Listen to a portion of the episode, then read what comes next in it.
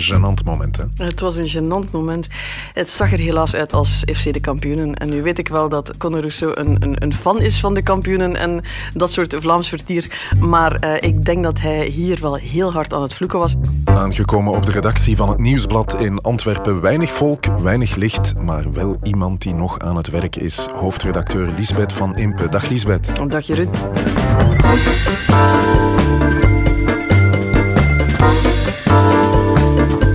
Praten met Lisbeth over de politieke actualiteit met een goed, soms een heel goed glas wijn. Ik ben Jeroen Roppe, dit is het Punt van Wampen. Ik zou je willen bedanken, Lisbeth. Oei. Jij Wat hebt heb ik nu weer gedaan? een fantastisch cadeau gegeven. Een prachtig cadeau. De gids van de Belgische wijnen. Ja, die zat in de bus. Ik dacht dat kan geen toeval zijn. Iemand is hier een hint aan het geven, maar ik dacht ik geef hem aan jou. Dan heb je inspiratie voor nog een eh, podcast of 200. Wel, ik. heb hem in één ruk uitgelezen. Geweldig boek. En eh, het boek leert me ook dat we nog heel veel werk hebben, Lisbeth. Want er staan zo'n 162 Belgische wijnen in de gids. Allemaal gerecenseerd. Geen tijd te verliezen. Dus laten Oké, we dus beginnen. drie jaar wijn en dan hebben we nog ongeveer eh, twee decennia bier. Dus we, we geraken er wel. Dat is... eh, Ja, laten we beginnen met een domein dat veel aandacht krijgt in de gids. Het eh, is een domein uit het Heuvelland, opnieuw. Het wijndomein Monteberg. Dat is van, twee keer eh, zeggen dat er bergen zijn in België die niet bestaan. Dus oké, goed. Ja, we zitten dus weer in het Heuvelland, in de West-Vlaamse Westhoek, waar we al een keer of twee gepasseerd zijn. Ja. We hebben daar nog een paar domeinen te gaan trouwens. Maar dit is de Monteberg, die ligt vlakbij de bekende Kemmelberg. Oké. En eh, we drinken een Kerner. Een mooie kleur, vind ik. Dat kan alleen maar meevallen, ja. Ik ruik bloesems in de herfst. Gezondheid, hè? Dankjewel. Waar hebben we het over vanavond, eh Lisbeth? Eh, ik vrees dat we toch even weer over corona moeten hebben. We hebben het een tijdje kunnen vermijden, maar het is toch wel weer een beetje terug. Dan gaan we het over de klimaattop in, in Glasgow hebben. En eh, ik eh, ben naar wat eh, politieke feestjes geweest. Mensen hier zijn naar politieke feestjes geweest en daar gaan we toch ook eens naar kijken. De ontploffing van Connor en het feestje van George Louis en Egbert bijvoorbeeld. Ik kijk uit naar je punten daarover. Het punt van Van Impe, de Actua-podcast van het Nieuwsblad, vind je elke donderdag op nieuwsblad.be en op de bekende podcastplatformen. Kom aan, Lisbeth. Het is en vaccineren, en het mondmasker, en zorgen voor luchtkwaliteit, en het COVID-safe-ticket op grote schaal gebruiken. Het is de combinatie van die instrumenten, we weten dat, die ons gaat helpen. Hij legt het heel helder uit, vind ik, eh, minister van Volksgezondheid Van den Broeke. Daarom misschien ook dat we hem eh, altijd meester Frank noemen. Het virus is duidelijk nog niet vertrokken, Lisbeth. Sterker nog, we zitten in de fameuze vierde golf en die mogen we niet zomaar op ons laten afkomen. Dus daar is het mondmasker weer, het thuiswerk, de ventilatie en het COVID-safe-ticket. In Brussel zijn we dat al eh, lang gewoon. Maar wordt het ook gecontroleerd, Jeroen? Eh, in veel gevallen wel, ja. Vind ik. Ehm, maar eh, zijn ze te voorbarig geweest in, in Vlaanderen met eh, de afschaffing van dat eh, mondmasker om te beginnen? Goh, ik vind dat een beetje moeilijk. Er waren toen al mensen die zeiden van we zouden nog wat voorzichtiger moeten zijn. Tegelijk voelde je wel van ja, dingen blijven rekken voor de voorzichtigheid. Dat, dat wordt steeds moeilijker te verdedigen. Maar goed, de cijfers zijn intussen weer wat ze zijn. Ehm, ze zijn nog niet dramatisch, maar ik snap wel dat de regering het goed in de gaten wil houden. Tegelijk hoor je in alles, ook bij Frank van den Broeke, ook bij de echte dat eh, nu met echt ingrijpende maatregelen afkomen, dat daar eigenlijk iedereen weet dat dat niet meer gaat lukken. Dat daar geen, geen draagvlak meer voor is, dat sectoren sluiten, mensen weer thuis zetten, sociale contacten zwaar gaan beperken. Dat krijg je op dit moment niet meer door. Dus dan krijg je deze mix aan maatregelen die in mijn ogen een beetje de optelsom zijn van eh, alle minste kwaden die men kon verzinnen. Ehm, en dus, ja goed, als we het hiermee kunnen redden, dan denk ik dat, eh, dat we ons polletjes mogen kussen, zeker. Ja, Jan Jambon, ehm, die is gecapituleerd, want eh, dat was toch de man die eh, tegen eh, de uitbreiding van dat COVID-safe-ticket was. Ja, we hebben weer in zo'n heel gek opbod gezeten waarvan je eigenlijk afvraagt wie denkt dat daar iets bij te winnen valt. Dus in Wallonië, Brussel doen dat COVID-safe-ticket, zitten ook met een groter probleem van vaccinaties. Allemaal heel logisch, maar goed, die cijfers in Vlaanderen beginnen dan toch een, een beetje tegen te vallen. En dan zie je dat, dat de Vlaamse regering zich daar zo ingegraven heeft in een ideologische positie. Wij zijn degenen die dat COVID-safe-ticket gaan tegenhouden. Uh, trekken dan met grote trom naar, naar, naar het uh, overlegcomité om daar dan eigenlijk, ja, zelfs op vraag van Horeca Vlaanderen, toch toe te geven.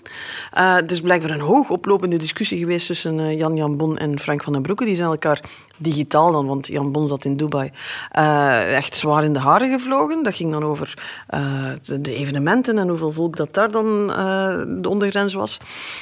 goed, dus dat is dan blijkbaar heel veel drama om dan op het einde doodleuk te komen vertellen dat je eigenlijk toch wel een goede maatregel vindt. En dan denk ik, dan verlies je eigenlijk twee keer. Eerst ondermijn je de maatregel op voorhand en dan moet je toch gaan uitleggen dat je hem toch genomen hebt. En dan, ja, dat is dubbel verlies. En eens te meer komt die Vlaamse regering hier niet goed, niet daadkrachtig, niet consequent uit. Ja, de maatregelen zijn nu min of meer hetzelfde over het uh, hele land. Wat ik me afvraag, ik las ergens, uh, deze maatregelen staan eigenlijk gelijk met het verplichten van uh, vaccinatie. Zie je dat ook zo? Ik vind dat daar nog wel een soort van... Het wordt stilaan filosofisch, hè, maar er zit nog een onderscheid. Hè. Je, uh, het is niet dat je zegt dat mensen niet mogen gaan werken, nergens meer binnen mogen als ze niet gevaccineerd zijn. Je kan ook nog altijd jezelf gewoon laten testen en zo aan een, uh, een safe ticket geraken. Maar ja, het wordt wel, het wordt wel knap lastig natuurlijk, hè, als je jezelf om de zoveel tijd moet laten testen. Dus je maakt het de niet-gevaccineerden moeilijk, maar je hebt nog altijd de mogelijkheid om heel principieel nee te zeggen. En Um, de gevolgen daarvan moet je, dan, moet je dan zelf dragen, maar die blijven eigenlijk al bij al behoorlijk beperkt natuurlijk. Ja, want er is uh, toch nog altijd een, uh, een behoorlijke groep niet-gevaccineerden. Moeten we dat uh, blijven aanvaarden, Lisbeth? Die discussie blijft opduiken, hè. zeker omdat nu op, op, op, dit moment bijvoorbeeld ook de, de, de kinderen, de lagere schoolkinderen die niet gevaccineerd zijn, die elkaar massaal aan het besmetten zijn. Uh, dat is op zich ook niet zo erg, want die kinderen hebben daar relatief weinig last van. Maar dan voel je dat daar toch weer over mondmaskers en beperkingen. En moeten we toch die uh, herfstvakantie geen week langer. En, en er wordt eindeloos getest en in quarantaine gezet. Dat is allemaal niet, niet praktisch. Dus je kan je afvragen, moet je die kinderen laten opdraaien voor volwassenen die eigenlijk heel bewust de keuze nemen om uh, zich niet te laten vaccineren. Uh, je hoort zelfs radicale stemmen zeggen van moet je die, moet je die bedden op, op, op de intensieve zorgen blijven reserveren voor niet-gevaccineerden, terwijl je misschien andere mensen zorg ontzegt. Uh, moet je hen ook niet laten opdraaien voor de kosten van de zorg. Ja, je komt daar heel rap in een discours dat, um, dat je niet wil doortrekken naar andere dingen. Waarbij als je de schuldige bent aan je ziekte, dat je dan ook maar uit allerlei, uh, overal uit de bot begint te vallen. Dus ik denk dat we daar dat goede evenwicht moeten blijven zoeken. Eerlijk gezegd, dat, dat COVID-safe-ticket vind, vind, ik op zich uh, een manier om dat evenwicht te zoeken je moet je niet laten vaccineren, maar het maakt je leven toch wel een heel stuk makkelijker. En dat vind je een goede zaak. Dat is uh, het punt dat je maakt. De maatregelen die uh, genomen zijn, zijn de logische maatregelen. En we maken het uh, niet gevaccineerde nog een beetje moeilijker. En dat is een goede zaak. Dat is denk ik het evenwicht dat we aan het zoeken zijn. En ik vind dat een goede zaak. En ik denk dat we eigenlijk allemaal moeten hopen dat, dat dit volstaat. Het punt van Van Impe.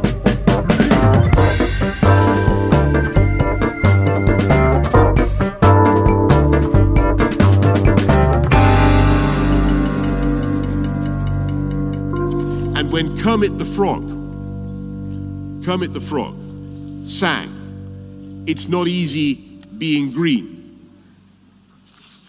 You remember that one? I want you to know that he, he was wrong.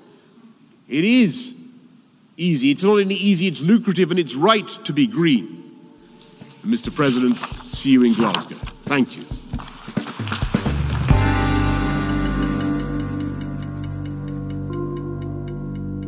You in Glasgow. De premier van de UK, Boris Johnson, haalt uit naar Kermit de Kikker. Een figuur uit de populaire Muppet Show vroeger op tv. Want uh, Kermit, Lisbeth Zong, het is niet gemakkelijk om groen te zijn. Ja, een, een geweldige... van Kermit, inderdaad. een geweldige speech van Laten we zeggen, uh, Johnson. Vintage Boris Johnson, maar het stuk dat erachter komt, waar je zegt van eigenlijk is het wel gemakkelijk om groen te zijn. Ja, dat is wat uh, Greta Thunberg dus de blablabla bla, bla van politici noemde. Ja. Dat is iets zeggen dat eigenlijk nergens op slaat, maar goed, het klinkt goed. En je kan er uh, je even de kampioen van uh, de klimaatactivisten mee. En hij zegt ook, uh, Johnson, onze planeet warmt overal op en de mens is daarvoor verantwoordelijk. Daar bestaat geen twijfel meer rond. Dus moeten we actie ondernemen, want anders is het klimaat helemaal verstoord en is onze planeet en wij erbij naar de vaantjes. Dus moet de CO2-uitstoot naar omlaag.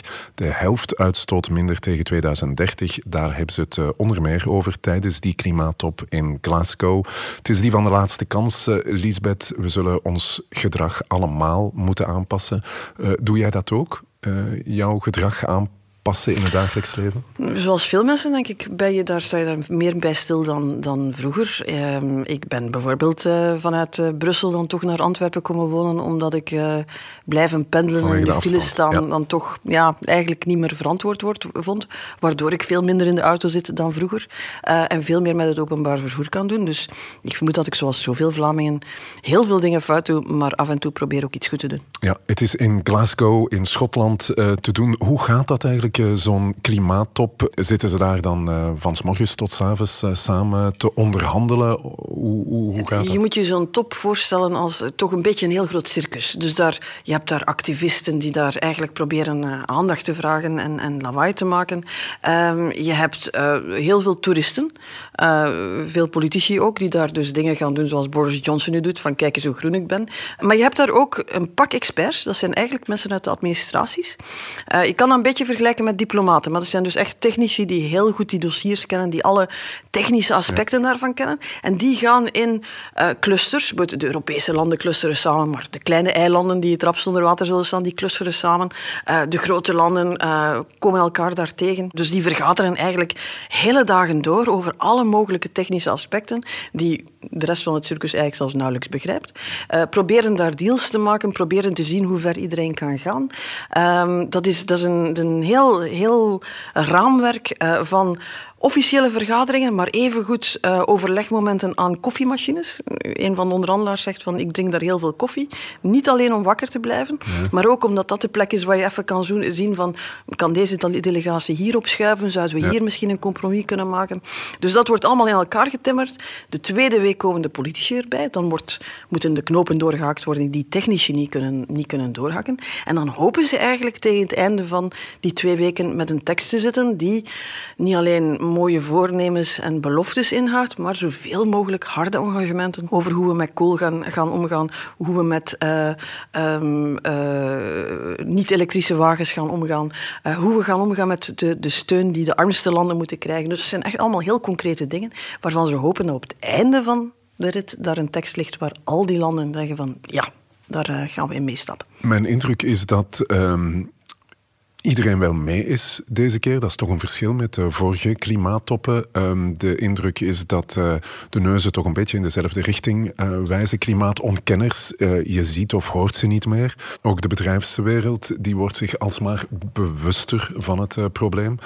Um, je voelt wel, hè, er, er zijn dingen aan het schuiven. Hè. Dus bedrijven zijn al een tijdje bezig en pas op, daar zit heel veel PR bij. Hè, van kijk eens hoe groen we zijn. Als je dan in de realiteit gaat kijken, valt dat allemaal nogal mee.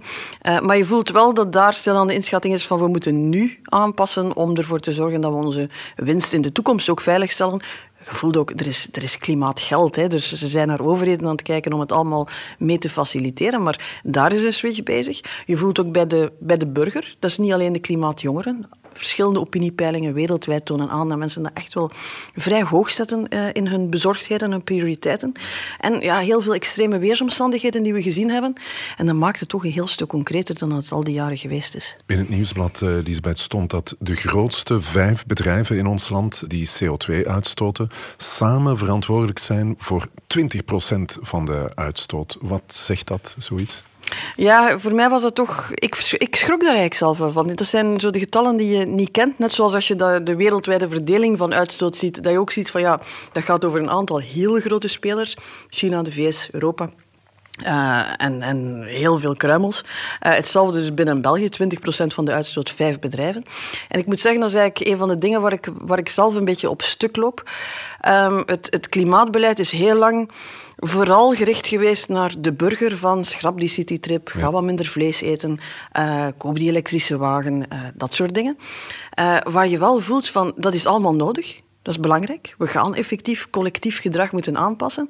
Maar ik denk niet dat je dat gaat verkocht krijgen aan hele grote groepen mensen. Als je tegelijk niet duidelijk maakt dat je op die, aan die grote knoppen, die grote uitstoot, uh, die bedrijven die veel uitstoten, de, de, de landende sectoren waar je voelt van, ja, hier gaat het echt over dingen die echt een verschil maken. Als je daar niet aan gaat draaien, denk ik dat je op een bepaald moment gaat merken dat mensen ook een beetje doof worden voor alle pleidooien om uh, een extra trui aan te doen en de verwarming een graadje lager te zetten. Uh, dat begint dan een beetje te voelen als druppels op een, op een heel hard opgewarmde plaat. Ja, laten we het eens over een hele grote knop hebben. Uh, China. is de houding van China niet bepalend voor het, het welslagen van de klimaattop? Dat is bepalend en daar voel je wel dat de, de, de wereld is de voorbije jaren ook door een aantal evoluties gegaan die dat niet makkelijker maken.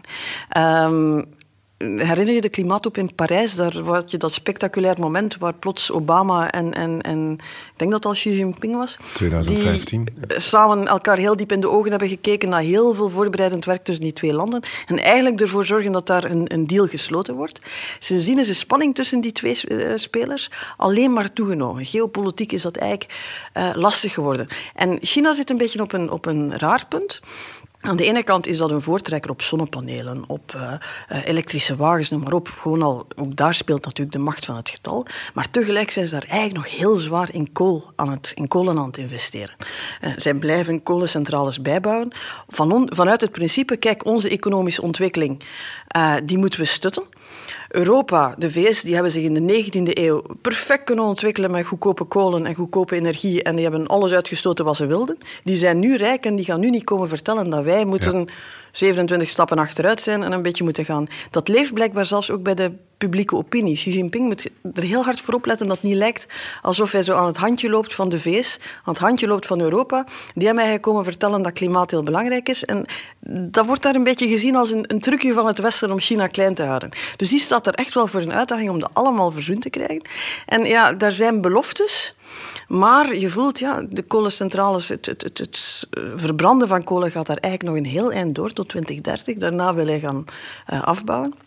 Je voelt met alle resultaten die er vandaag zijn, dat daar discussies zal over zijn. En dat tegelijk de relaties tussen die grote blokken ja, toch behoorlijk bekoeld zijn. Dus dat wordt een gigantische uitdaging. Hij komt ook zelf niet. Hè? Dus bijna alle wereldleiders zakken af. Maar dus Xi Jinping komt zelf niet naar Glasgow. Ja, dat wordt een hele lastige. Zeg jij nu eigenlijk, uh, Lisbeth, doe maar zoveel je wilt uh, om het klimaat te redden. Maar het zal pas lukken als de hele grote spelers echt mee zijn? Ik denk ook dat je maar de, de gemiddelde Vlaming en Belg en Fransman en, en, en Indiër en, en, en Chinees en Japanner gaat meekrijgen als het duidelijk is dat aan de hele grote knoppen ook gedraaid wordt. En, en ja, daar voel je, dat is, dat is lastig. En daar heb je die politici nodig die niet alleen komen zeggen dat het makkelijk is om groen te zijn en een beetje als met de kikker in de camera kijken, hopend dat ze zo wat kunnen scoren bij een achterban. Maar heb je echt een, een plan en een structuur, een structurele ingrepen nodig. En die moeten nu echt wel vorm gaan krijgen. Want vanzelf zal het zeker niet. Het punt van Van Impe.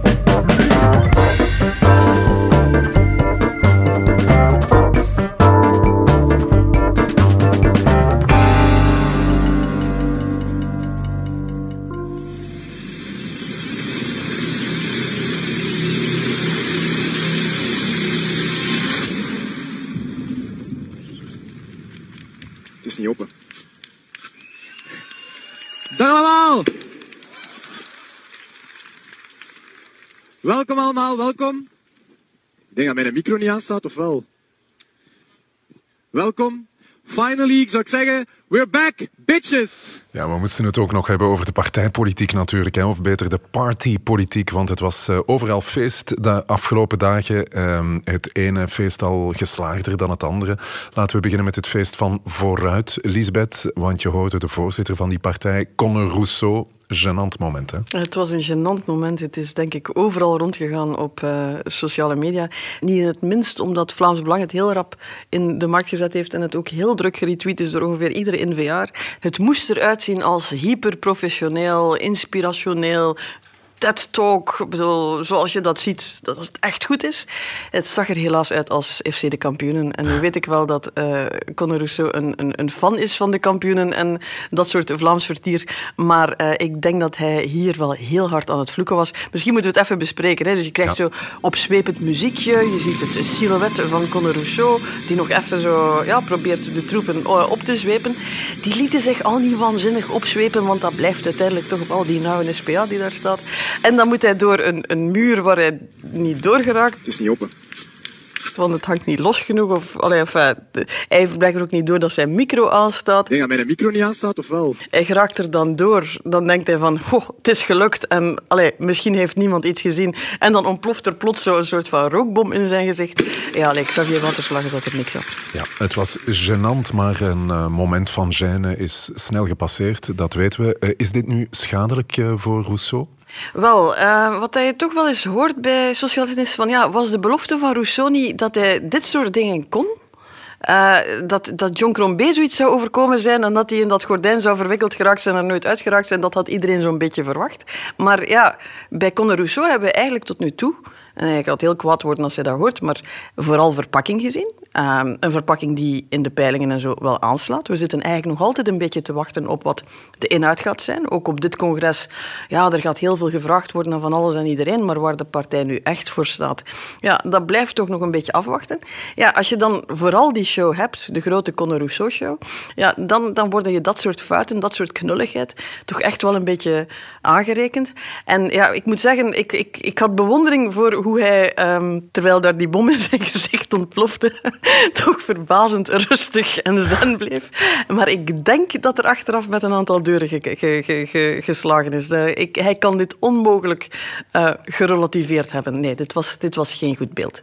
De liberalen dan, uh, Lisbeth, in ons land, die vierden 175 jaar liberalisme. Open VLD en MR samen één groot feest. Zelfs de Franse president Emmanuel Macron, die uh, mocht uh, via video komen opdraven. Ja, ik hoor dat ze er alles aan gedaan hebben om die ook echt in Brussel te krijgen, maar dat was toch een beetje te hoog gemikt. Al wel, moet ik zeggen, ik ben een romanist, hè, dus ik ken de, de subtiliteiten van het Frans. Het feit dat ze een Franse president het woord septante voor 70 hebben, weten, hebben doen gebruiken in plaats van 75, zoals dat eigenlijk uh, een iedere rechtgeaarde Parijzenaar zou doen, dat is linguistisch is heel straf. Maar ja, ze moesten het toch met een videoboodschap doen. Het waren de Mark Rutte's en de Bettels die in de, in ja. de zaal zaten. Het moest het uh, moment de gloire van uh, Egbert Lachaert worden, de voorzitter van de Open VLD. Maar het was toch vooral zijn collega uh, Georges-Louis Boucher die de show heeft gestolen. En dat is intussen een patroon. Hè. Ik, bedoel, ik denk dat Egbert Lachaert al een paar keer heel diep gevloekt heeft over het moment waarop hij dacht 175 jaar liberalisme, MR Open VLD, we gaan dat samen in de markt zetten. Ze hebben eerst zo'n tour door Vlaanderen gedaan, ook allee, door België gedaan. Ja, iedere keer kwam Egbert Lachart er zo toe op een evenement dat duidelijk eigenlijk niet voor hem bestemd was, waar uh, Boucher toekomt met eigen cameraploegen en alle aandacht naar zich toezuigt. Het is heel duidelijk dat Boucher eigenlijk heel bewust de spotlight opzoekt in Vlaanderen. Um, je voelt ook waarom. Hè. Als die in, in Franstalige media op televisie komt, dan is dat hij als liberaal rechts in Wallonië, tegenover een heel blok van wat in Wallonië links is. Um, dus hij, kan daar, ja, hij ligt er altijd constant onder vuur, hij moet zich er altijd verantwoorden, zelfs voor centrumposities. Terwijl als hij in Vlaanderen komt, dan wordt hij plots in de armen gesloten, dan is hij plots de enige echte liberaal die dit land nog rijk is. Je kan je voorstellen hoe leuk voor Egbert Lachart dat moet zijn om daar iedere keer naast te staan. Um, Egbert Lachart die moet Alexander de Croo als premier overeind houden, want dat is eigenlijk de hele strategie van Open VLD richting de kiezer, want wij hebben de premier en dus de kanseliersbonus. Boucher die trekt zich er allemaal niks van aan. Die, die, die, die, die steekt die regering constant stokken in de wielen. En, dus, en dan gaat hij op tour met, met Lachart voor feestjes en, en, en, en familie-events. Uh, en dan blijkt ja, dat Boucher daar eigenlijk bij de achterban heel hard mee scoort. Ja, uh, en Lachart dat hij uh, geen Nederlands praat. Uh, nee, uh, hij zit ook in tv-studio's, spreekt daar geen Nederlands. Uh, je voelt dat heel duidelijk. De man heeft van het aplomb een politieke stijl gemaakt. Hij zegt alles met een, een, een, een zekerheid waarbij je, waarbij je alleen maar jaloers kan zijn, ook als het complete onzin is. maar het ziet er heel goed uit, komt heel overtuigd over. Hij claimt dat liberalisme eigenlijk vaak ten koste van zijn liberale premier, zijn liberale uh, zusterpartij. En ja, dat voel je wel een beetje op die feestjes natuurlijk. De MR die vieren feest, want de peilingen zijn ook, ja, ze, ze, scheppen wel wat moed.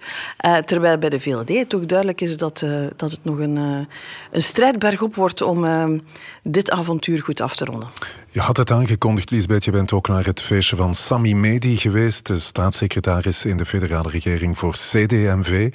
Hij heeft een nieuw boek over de toekomst van zijn partij en jij mocht iets zeggen op de voorstellingen. Hoe was het daar? Uh, ja, ik moet zeggen, ik heb me daar uh, zeer goed geamuseerd. Uh, blijkbaar heel veel luisteraars van onze podcast. En ik was een beetje bang, want we hebben hier de laatste tijd toch wel wat kritische dingen over CDMV gezegd. Maar kijk, zij oefenen de, de christelijke deugd om af en toe de andere wang te keren. Dus heel veel fans tegenkomen. Ik had ze daar niet, eerlijk, eerlijk gezegd niet verwacht. Maar het was een interessante avond, want ik denk eigenlijk dat we ons verdienen. Er was heel weinig pers, omdat de interviews waren al gegeven. Het boek was eigenlijk al voorgesteld. Dit was echt voor de partijkaders, de militanten. Er was ook behoorlijk wat volk.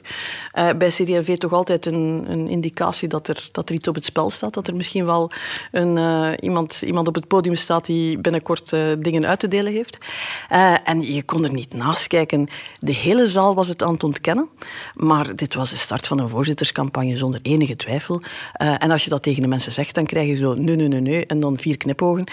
en iedereen had daar zijn eigen interpretatie op. Maar ehm, laat zeggen, de strijd om de opvolging van Joachim Koens, of dat dat nu voortijdig gebeurt omdat bijvoorbeeld het congres in december een flop wordt, of volgend jaar als het mandaat van Koens erop zit, die is nu al losgebarsten. En een partij die diep, diep verdeeld is tussen de Vlaamse fractie en de federale fractie, waar iedereen zijn eigen agenda heeft en waar ze nog niet helemaal doorhebben, denk ik, dat één nieuwe voorzitter dat niet kan rechttrekken. Dat daar een, een ploeg zal moeten staan die samenwerkt en daar staan ze op dit moment heel ver van. Maar je zegt nu, mocht je er nog aan twijfelen, Sami Medi wil echt wel voorzitter worden van Hij zal dat ontkennen tot hij het niet meer ontkent. Maar uh, ik twijfel niet meer. Nadat ik hem bezig gehoord heb, dat was geen speech van een staatssecretaris, dat was een speech van iemand die voorzitter wil worden. Ja, laten we het uh, dan eens hebben over uh, de grootste partij tot nader order in ons land, de NVA.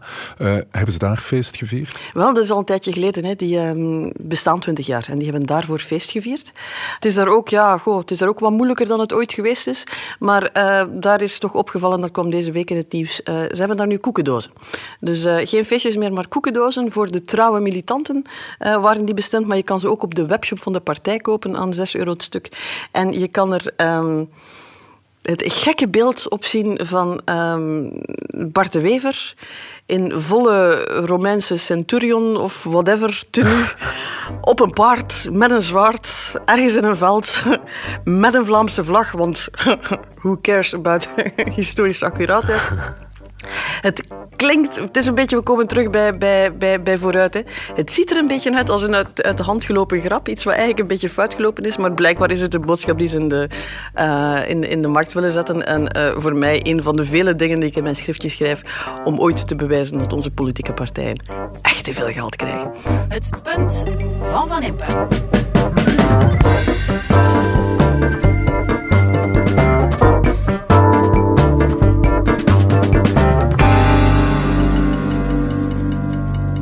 Goed, intussen, Lisbeth, hebben we weer eh, een goed glas gedronken. Hè? Een Monteberg Kerner. Um, we hebben hem al eens gedronken, de Kerner, een, eh, een, uh, druif die je in Oeh, ons was land... Ik, dat was ik vergeten. Ja, we hebben hem eens uh, gedronken in zijn Hagelandse variant. Oké, maar ik in Duitsland zeggen, komt hij vaker voor. Het doet een beetje maar- denken aan de Riesling eigenlijk, Ja. maar dan wat, wat voller. Ja, ik kan hem alleen maar aanbevelen, moet ik zeggen. Dat was weer een eh, goed, goede gezel voor een eh, gesprek over politiek en maatschappij. Wel, ik heb al een paar keer de vraag gekregen van luisteraars om een lijst aan te leggen en eh, die dan ook eh, te publiceren van alle wijn die we hier eh, drinken. We zouden we dat kunnen doen. We zouden ze ook allemaal een score kunnen geven, Lisbeth. Je maakt er meteen een apart projectje en een aparte podcast van. Ja, maar dan Eh, moeten we natuurlijk al die wijnen opnieuw drinken, hè, die we al gedronken hebben. dat lijkt mij niet onoverkomelijk. Ja, jij kan dat aan. Goed, voor alle duidelijkheid nog eens klimaatverandering, want dat hoor je vaak in gesprekken over Belgische wijn, dat eh, de Belgische wijn profiteert van de opwarming van de aarde. Maar voor alle duidelijkheid, de klimaatverandering is geen goede zaak, ook niet voor de Belgische wijn, want extremer weer, overstromingen, hittegolven, Droogte, die zijn eh, dramatisch zijn voor Ja. de wijn. Ik denk dat we, als het over klimaat gaat nu, gaat, nu echt wel voorbij dat drog argument zijn van oh, de Belgische zomer kon wel twee graadjes extra gebruiken. Ik denk dat we intussen weten dat er in die twee, achter die twee graden extra, dat er heel veel extreem weer, extremen, waar we allemaal last van hebben en waar we allemaal een prijs voor betalen.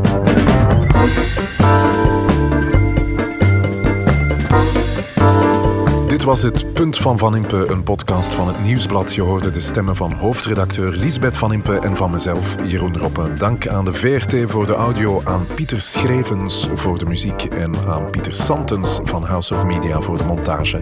De productie was in handen van Bert Heijvaart. Tot het volgende Punt van Van Impe.